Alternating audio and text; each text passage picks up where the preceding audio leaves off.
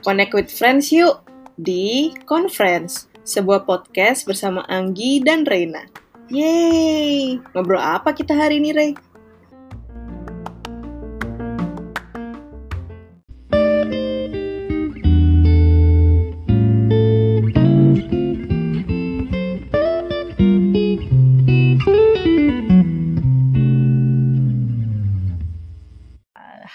Teman-teman conference, jumpa lagi ya dengan aku dan Anggi. Um, ya mungkin walaupun situasi di Indonesia dan bahkan dunia kayak masih kondisi kritis karena wabah, tapi mudah-mudahan teman-teman masih pada tetap semangat ya untuk bertahan di rumah. Semoga juga bisa terhibur ya Anggi ya kali ya dengan episode Iya. conference kali ini. Semoga, ya, semoga terhibur dengan conference.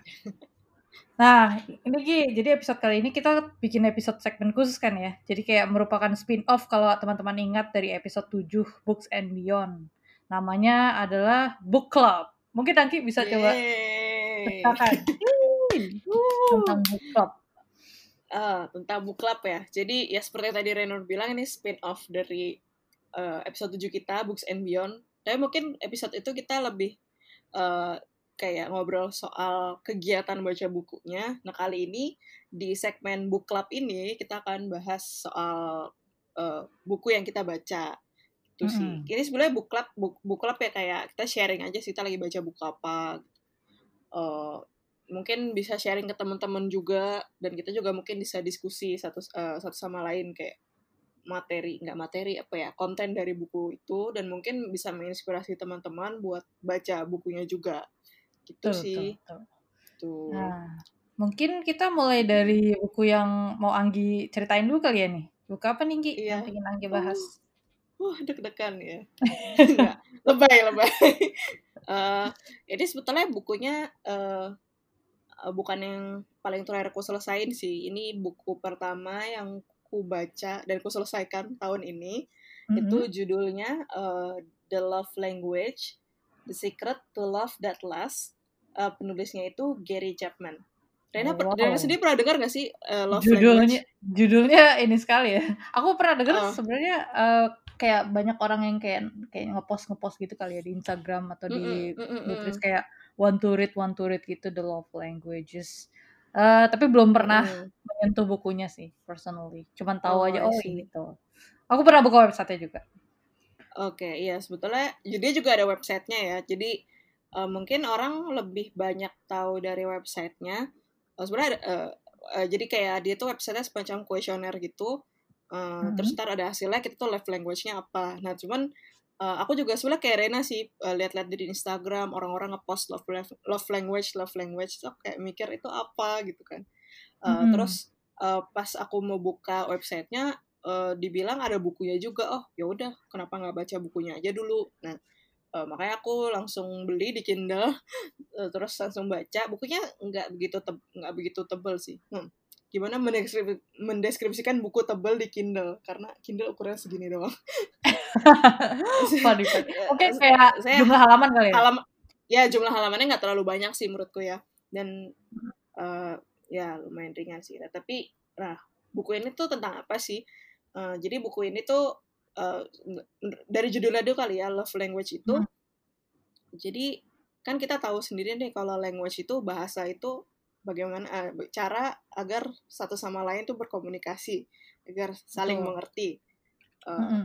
Nah, ini juga ternyata love itu, cinta itu juga ada bahasanya. Setiap orang bisa beda-beda bahasanya.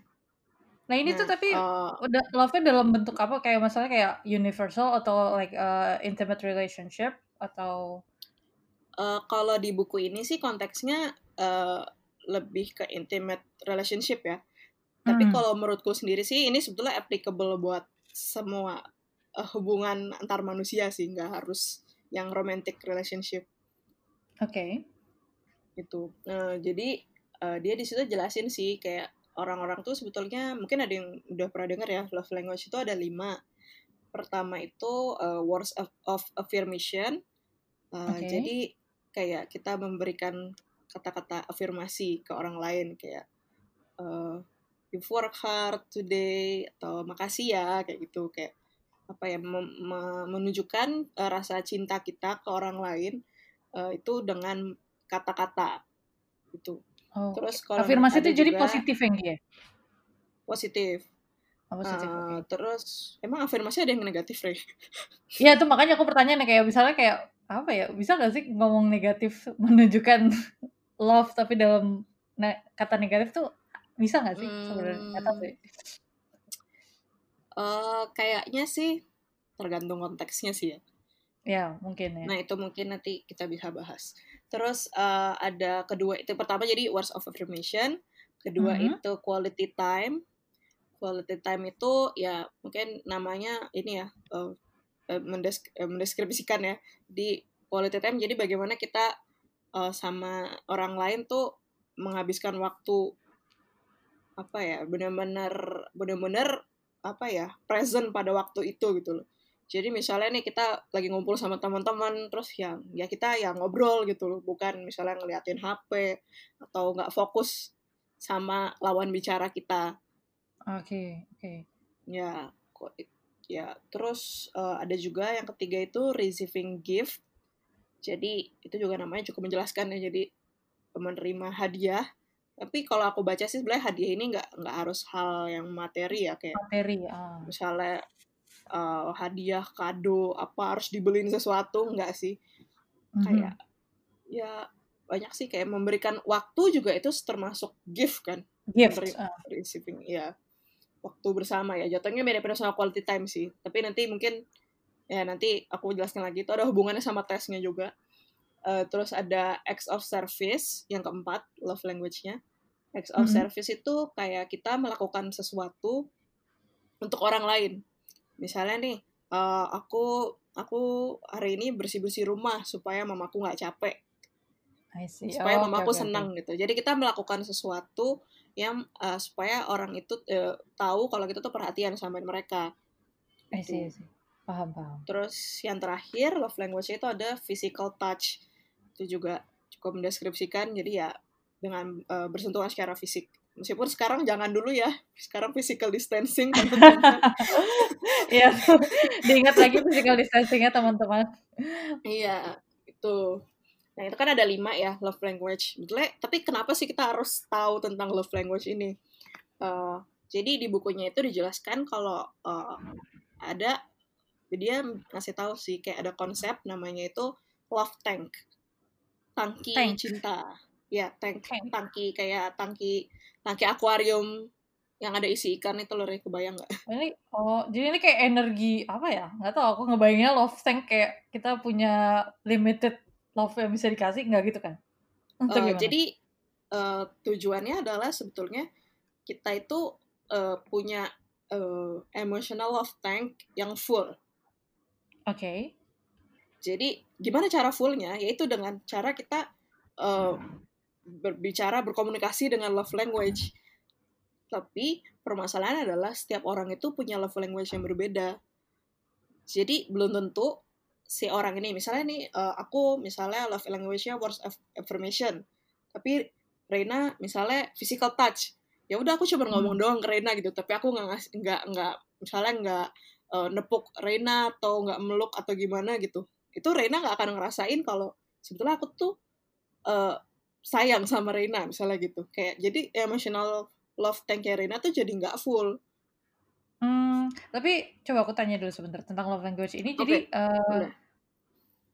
jadi ini tuh arah arahnya dari mana ya? Dari yang misalnya misalnya aku misalnya words of affirmation. Apakah Mm-mm. aku akan mendapatkan eh, apakah love tank itu akan terisi kalau aku melakukan words of affirmation atau aku menerima words of affirmation? Akan menerima Menerima, jadi sebagai receiver ya. ya, ya Oke. sebagai receiver. Uh, Menerima. ya jadi kita tujuannya itu supaya masing-masing um, apa eh, love tanknya tuh full. Nah tapi kan orang-orang beda kan love language-nya. Makanya kita perlu tahu uh, love language tuh uh, love language dari uh, lawan apa ya significant other kita tuh apa gitu loh. Nah sebetulnya sebenarnya dari hal-hal kecil aja sih kita bisa tahu gitu. Misalnya kayak uh, uh, ada uh, orang yang maunya tuh ketemuan terus gitu main bareng atau bareng itu mungkin love language-nya quality time. Quality time. Atau misalnya okay. uh, uh, atau misalnya dia suka ngasih hadiah atau apa. Mungkin uh, mana ya? Love tank itu akan full ketika kita uh, orang lain berbicara love language kita. Gimana ya jelasin ya? Love love tank kita akan uh, terisi ketika orang lain berbicara uh, love language kita. Tapi secara nggak langsung sebenarnya kita uh, menunjukkan ke orang lain juga dengan love language kita. Karena menurut kita oh. itu cara kita menunjukkan rasa cinta kita ke orang lain. Oh, oke okay, oke okay, oke. Okay. Makanya dari situ yang suka bikin salah paham karena belum tentu orang lain itu tahu kalau kita tuh sebetulnya ngasih tahu kalau kita tuh um, menunjukkan kalau kita tuh uh, cinta dengan mereka gitu. Nah, Makanya suka salah paham. Karena bisa jadi uh, orang A love language-nya apa, orang B love language-nya apa. A itu uh, sayang sama B, tapi dia nunjukin pakai love language-nya A. Tapi love language-nya B tuh beda sama A. Jadi dia taunya kalau sayang ya begini gitu. Makanya nggak cocok kan. Makanya uh, sebenarnya bukunya ini lebih sering jelasin apa ya kasih case-case-nya itu tuh soal orang-orang yang udah menikah sih. Kayak hmm. kenapa sebenarnya orang-orang tuh banyak yang cerai, kenapa banyak yang apa ya abis uh, sebelum nikah kok eh, baik-baik aja gitu kita kayak rasanya kita kayak dunia milik berdua kayak nggak akan ada yang hal buruk terjadi kepada kita gitu tapi setelah nikah kok misalnya berubah pasangannya gitu atau kenapa bisa kayak gini gitu hal menarik yang dia bilang di bukunya di bukunya adalah eh, masa-masa in love uh, jadi kayak masa-masa kita benar-benar bucin lah jam bahasa zaman sekarang. Itu kayak mungkin cuma satu sampai dua tahun lah maksimal. Setelah itu ya udah kita kayak bener-bener uh, apa ya udah bukan menjadi orang berbeda mungkin kita juga udah itu mungkin itu apa ya diri kita yang sesungguhnya gitu. Karena ketika pas kita masa in love pas in love experience itu kita tuh apa ya ya ya lagi bucin. Gimana sih orang bucin masih tahu masih ada layer layer filternya gitu gak sih? Uh, uh, ya kayak kita masih menyembunyi misalnya kita masih menyembunyikan diri kita dari pasangan gitu misalnya. Kita masih uh, apa ya ada rasa apa ya sedikit obsesi untuk uh, bareng terus misalnya gitu. Cuman mungkin setelah lewat masa itu ya udah udah kita akan kembali ke masa seperti biasa gitu. Mungkin karena udah terbiasa juga kali ya sama orangnya gitu kayak ya udah mungkin satu ada masanya akan jadi tidak signifikan lagi gitu. Nah, makanya hal itu yang menyebut uh, menyebabkan banyak yang kayak ngerasa kok dia berubah, kok dia begini begitu? Sampai gak bisa kompromi lagi sampai akhirnya cerai. Itu dia ngasih contoh-contoh itu sih. Jadi sebenarnya si Gary Chapman ini kayak marriage consultant gitu. Jadi dia nulis buku ini juga uh, contoh-contohnya berdasarkan kasus-kasus yang udah pernah dia terima gitu. Hmm, okay. um, ya gitu sih kayaknya ya nah dan terus tapi sebetulnya setiap orang itu uh, bukan berarti dia misalnya words of affirmation nih uh, mm kalau aku words of uh, affirmation love language-nya. Bukan berarti aku nggak bisa love language yang lain gitu loh. Maksudnya aku juga ada kayak primary love language-nya. Cuman aku juga bisa pakai bahasa bahasa cinta lainnya tuh aku juga bisa. Jadi di tes yang online itu sih di websitenya itu dia kayak ngerankingin sih. Kita tuh nomor satu apa nomor dua apa nomor tiga apa gitu. Dan oh. sebenarnya yang uh, contoh di website itu disarankan ngisi juga sama uh, misalnya kita ada pasangan pasangannya disuruh ngisi juga jadi biar saling tahu gitu. Uh, ya di bukunya sih kayak dia bener-bener ngasih contoh kayak si pasangan-pasangan yang hampir pernikahannya tuh udah mau udah kayak kayaknya nggak bisa ditolong lagi. Tapi setelah mereka mengerti dan diajarkan konsep love language ini ya dia dia bilang sih ya jadinya bisa kembali lagi sih uh, bisa kembali seperti maksudnya kembali maksudnya nggak jadi cerai gitu oh, jadi karena ya, masing-masing kayak udah paham gitu ya kayak oh ternyata pasangannya menggunakan love language yang ini jadi dia bisa mengakomodasi gitu kan ya Mm-mm, betul. Uh, di, uh, ini juga dia bilang sih pokoknya kan tadi aku bilang ada in love experience. Nah setelah itu sebetulnya real love experience dia nyebutnya. Jadi hmm. eh, nggak uh, tahu sih ya maksudnya kayak setelah masa-masa bucin itu ya udah mm -hmm. itu real love ya gimana caranya kita supaya tetap bisa kompromi dengan satu sama lain gitu loh oke okay. itu menarik sih gitu uh, buku, uh, bukunya um, menceritakannya dalam kayak cerita kayak beneran case ada case pasangan ini atau kayak cuman apa ya abstrak gitu nggih kalau format buku ada sendiri. ada case nya sih jadi uh, misalnya kan tadi dia nyebutin pertama uh, love love language-nya apa aja gitu. Jadi setiap love language setiap jenis love language-nya dia bakal cerita kayak ada pasangan ini ini ini. Terus mereka tuh dulu gini-gini ya dia cerita soal case-case-nya sih. Kayak jadi sebetulnya bukunya menurutku lumayan mudah dimengerti karena ada si contohnya itu sih. Kalau terlalu hmm. abstrak kan kayaknya kita mungkin nggak bisa bayangin ya. Yeah, tapi betul. karena ada contoh-contohnya sih dia oke okay sih menurutku. Itu membuat kita lebih mudah mengerti. Uh, uh, ya menurutku menarik sih bukunya. Karena uh, apa ya karena jadi kayak pas baca bukunya kayak oh gitu oh gitu. Dan kembali lagi kayak aku tadi bilang sebenarnya buku ini tuh applicable buat semua interaksi hubungan manusia sih. Selama kita masih ngomong sama manusia ya itu menurutku benar-benar applicable untuk itu sih. Jadi Tapi, aku senang banget sih menarik aja sih kalau misalnya kita kayak ngomongin lagi situasi sekarang di mana mm-hmm. apa ya kayak kita harus melakukan misal physical distancing gitu kan terus kayak mm-hmm. gimana cara menyampaikan language ini tetapi tidak bisa bertemu tatap muka maksudnya nggak bisa bertemu langsung gitu kayak misalnya cuma bisa lewat mm-hmm. mungkin kalau yang menggunakan words of affirmation lumayan easy ya karena kita bisa langsung uh, ya udah kirim aja pesan atau telepon sebentar bisa kan mm-hmm. ya nggak sih uh, ya makanya tadi kembali lagi uh, dia sebetulnya kita kita semua bisa ngomong bahasa-bahasa uh, ini tapi kan kayak misalnya gini Ray kita kan uh, native apa native-nya tuh bahasa Indonesia ya kita oh. bisa ngomong lancar dong ngerti dong tapi kita sebenarnya juga bisa bahasa Inggris gitu misalnya tapi kan hmm. mungkin kita nggak sebisa ketika kita pakai bahasa Indonesia mungkin akan ada oh. yang hilang uh, kon apa konteks yang mau kita sampaikan nah, itu makanya kita sebetulnya lima bahasa love language ini aku sih ngertinya kita semua tuh bisa lima bahasa ini tapi kita tuh punya yang paling primary. Kita punya oh, bahasa primer. ibunya gitu. Bahasa ibunya betul. Makanya kan supaya kita bisa uh, apa ya uh, bisa menunjukkan rasa cinta kita ke orang lain dengan love language mereka kita kan akan mencoba pakai love language mereka supaya akhirnya dia mengerti gitu loh. I see.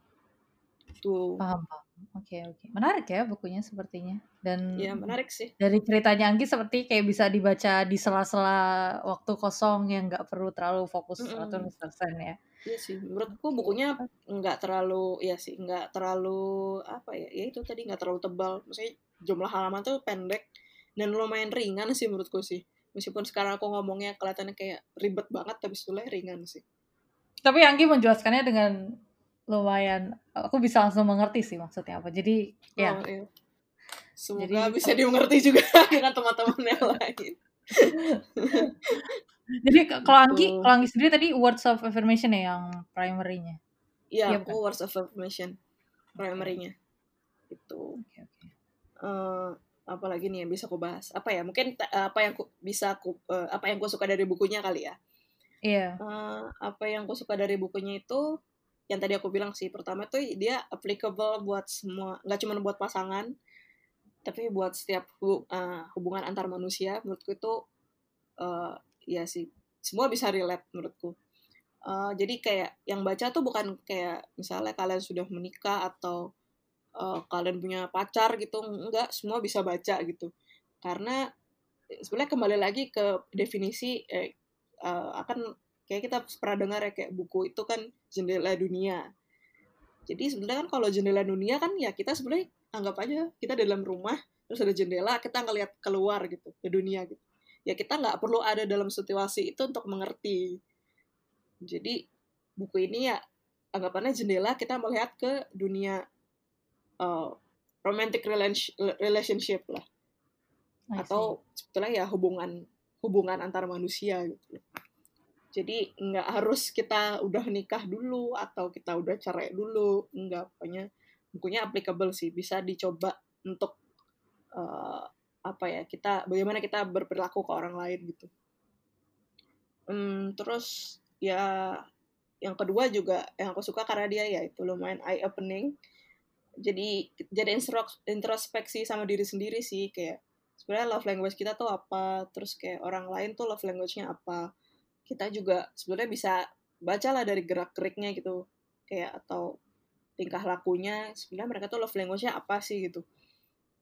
Mungkin selama ini sering banget salah paham gitu sama orang lain karena sebenarnya love language itu kita beda mungkin beda. dia maunya apa kita ngertinya ini kita udah nunjukin nih kita apa ya uh, ini love language apa ini cara kita nunjukin kasih sayang gitu. Tapi orang lain mungkin ya nggak tahu gitu loh karena mereka rasa nggak gitu caranya. Oke jadi jadi oh langsung cering gitu pencerahan baca bukunya. Uh, jadinya makanya jadi jadi bisa ngerti sih kenapa uh, orang lain tuh begini kenapa orang lain begitu. Jadi menarik sih terus kita jadi kayak Itu lebih deh. apa ya istilahnya ya kayak lebih conscious nggak sih sama apa ya perilaku orang oh dia tuh lebih sering melakukan ini ya jadi kayak ini kira-kira dia love language-nya ini nih ternyata gitu makanya mungkin mm -mm, dulu mm. dulu mengiranya kok kayaknya nggak cocok ya tapi ternyata karena kita tahu mm. jadi kayak oh ternyata dia beda aja cara menyampaikannya gitu kan ya mm betul iya jadi sebetulnya tapi kenapa sebenarnya emang kembali lagi sih kenapa sih penting kita untuk membuat uh, love tank kita full atau membuat love tank orang lain full gitu. Ya karena emang love uh, love itu cinta kasih sayang itu emang esensial dalam hidup kita gitu loh. Dia kita itu tuh kayak kita nggak bisa hidup tanpa itu. Dan ketika uh, emotional love tank kita full kita ya bisa menurutku ya bisa berfungsi secara sebagai semestinya gitu loh. Uh, dia di bukunya ada hal menarik sih. Jadi dia ngasih uh, katanya sih ada penelitian dulu. Uh, jadi ada anak kecil ngasih anak bayi. Jadi yang uh, bener-bener uh, jadi dibagi dua kelompok. Ada anak bayi yang uh, setiap hari di misalnya diasuh, benar-benar diasuh uh, di apa dirawat dan satu kelompok bayi yang beneran didiemin aja paling cuma dikasih makan doang nah terus uh, hasil penelitiannya adalah anak-anak yang anak bayi yang dirawat itu developmentnya lebih cepat lebih bagus sedangkan anak-anak bayi yang ditinggal yang cuma ditinggalin doang kayak cuma dikasih mm -hmm. makan dan nggak dikasih apa ya nggak dipeluk atau di apa itu developmentnya malah terhambat jadi kayak dari penelitian itu aja, hal kecil itu aja kayak menunjukkan kayak seberapa pentingnya itu cinta gitu loh. Luar biasa. Premis ininya sangat tesisnya sangat kuat ya. Uh -uh. Uh, tapi kasihan juga sih kenapa dia penelitiannya ke bayi, tapi ya udahlah. Mm, ya udah mungkin aku, bisa ya, aku jadi aku udah dua kali sih dengan penelitian itu pertama dari podcast orang lain satu dari buku okay. ini kayak oh bener jadi berarti kan kayak benar-benar memvalidasi kalau oh ternyata benar segitu pentingnya uh, interaksi antar manusia gitu yang benar-benar interaksi dengan kasih sayang itu tuh penting gitu loh. Jadi ya kenapa itu penting? Kenapa kita harus apa ya tahu love language kita dan love language orang lain? Gitu. Uh, temanku ada yang pernah cerita dia baca buku tau nggak Seven Way of Effective People atau apa gitu? Rena pernah dengar gak? Pernah dengar, pernah dengar. Katanya di buku itu dibilang, eh, dia juga bilang sih kayak kita tuh anggap aja orang lain tuh kayak ATM. Sebenarnya ini menurutku konsepnya sama kayak love tank ya. Jadi uh, kalau kita narik terus ke ATM lama-lama habis dong orangnya. Jadi dia mau Betul. ngasih apa lagi gitu loh. Makanya kita gimana cara supaya dia nggak habis? Kita invest dikit-dikit ke ATM-nya, hmm. saya ngisi. Dan begitu juga orang lawannya dia juga nggak bisa narik kita terus kalau nggak kita nggak nggak ada yang bisa kita kasih gitu makanya dia harus invest ya kayak gitu terus makanya kan sebenarnya itu kan hubungan antar manusia juga gitu kan. Kayak love tank juga kayak gitu kan. Kita saling mengisi gitu loh. Menarik menarik. Analoginya mirip ya? Iya analoginya mirip. Tuh. Ya itu sih paling dua hal itu sih aku suka dari bukunya ya. Dan dia yang ngasih case-nya benar-benar uh, contohnya yang real life. Dan selalu ada contohnya jadi kita lebih mudah mengerti sih. Jadi nggak totally abstrak sih. Cara saya penulisannya juga ringan sih. Soalnya aku kan sempet uh, kayak aku kan sempat males baca kayak bertahun-tahun sebelum ini tuh aku males banget baca. Terus kayak aku mau mulai baca lagi dimulai dengan buku ini jadi kayak membantu gitu sih. Kayak aku kembali ke mood bisa baca lagi tuh karena buku ini gitu loh. Begitu ringan. Gitu jadi bagus untuk starting yeah. going back to reading lagi ya bukunya iya yeah, betul ini bagus sih menurutku oke okay. Mungkin nanti Anggi jangan lupa ditaruh di kita taruh di deskripsi mm -hmm. uh, episode ini kali ya biar teman-teman bisa check check it out the book. Iya, mungkin link Goodreads-nya kali ya biar bisa baca review-review orang lain juga. Boleh, boleh, boleh. Iya. Kalau Reina kira-kira apa ya love language sih ya penasaran. Uh, kalau dari tadi deskripsi Anggi sih aku nggak tahu sih kemungkinan uh, receiving gift enggak enggak sama sekali. Physical touch juga tidak. Acts of service no. Kayaknya sih quality time antara quality time atau words of affirmation. Mungkin itu, itu dua topnya. Iya.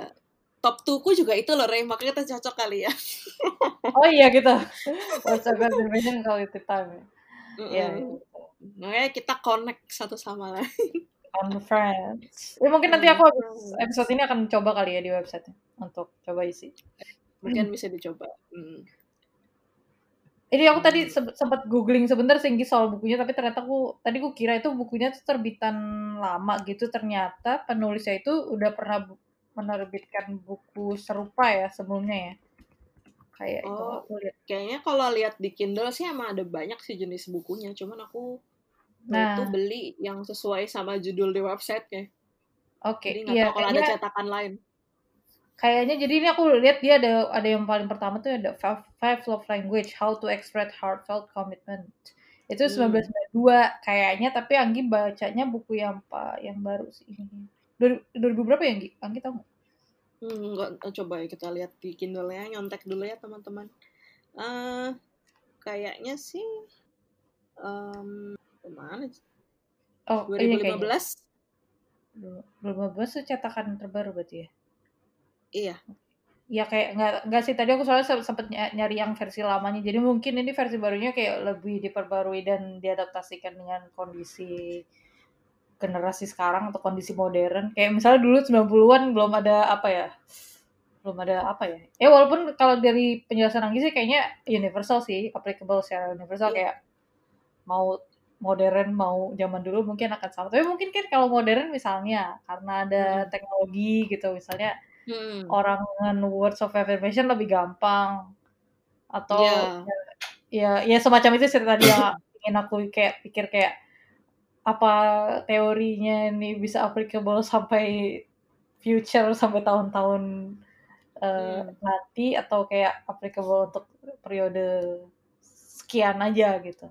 Hmm, ya menurutku ini sih selama selama kita sebetulnya bisa bisa berbicara lima love language itu sebetulnya itu bakal tetap universal sih mungkin tapi kayak yang tadi Rena bilang dengan teknologi misalnya words of affirmation jadi lebih mudah.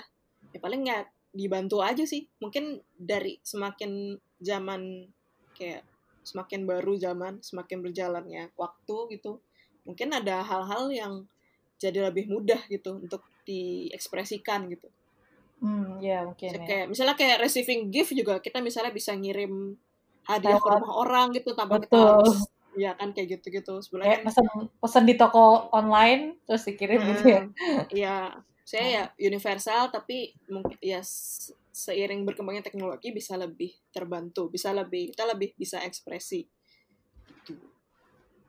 kalau oke okay.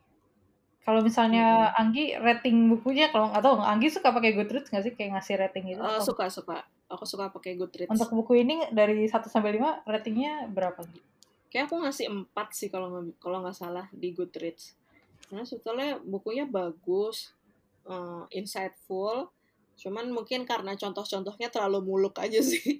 jadi aku muluk. mungkin kayak jadi mungkin aku pengen ada mungkin ada contoh uh, saya lebih aku pengen lebih pengen ada data sih. Kayak ini tuh beneran valid nggak sih? Mungkin dari contoh dia kan cuma satu dua case. Maksudnya dari setiap love language ada satu dua case gitu kan.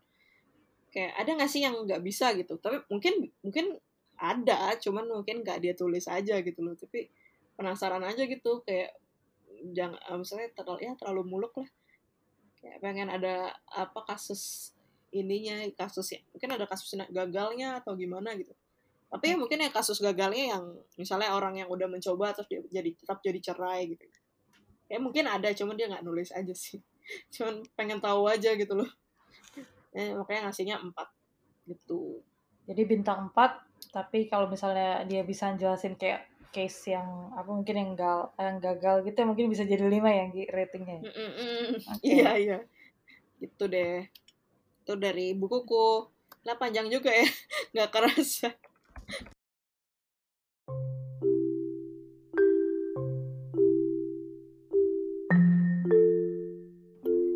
Iya, jadi tadi teman-teman sudah dengar review Anggi dari Anggi tentang mm-hmm. buku Love Languages: Secret to Love That Lasts by Gary Chapman. Uh, nanti untuk selanjutnya bakal dilanjutkan di part 2 di mana nanti giliran aku Rena yang bahas Yay. tentang sebuah buku. Sampai jumpa di part 2.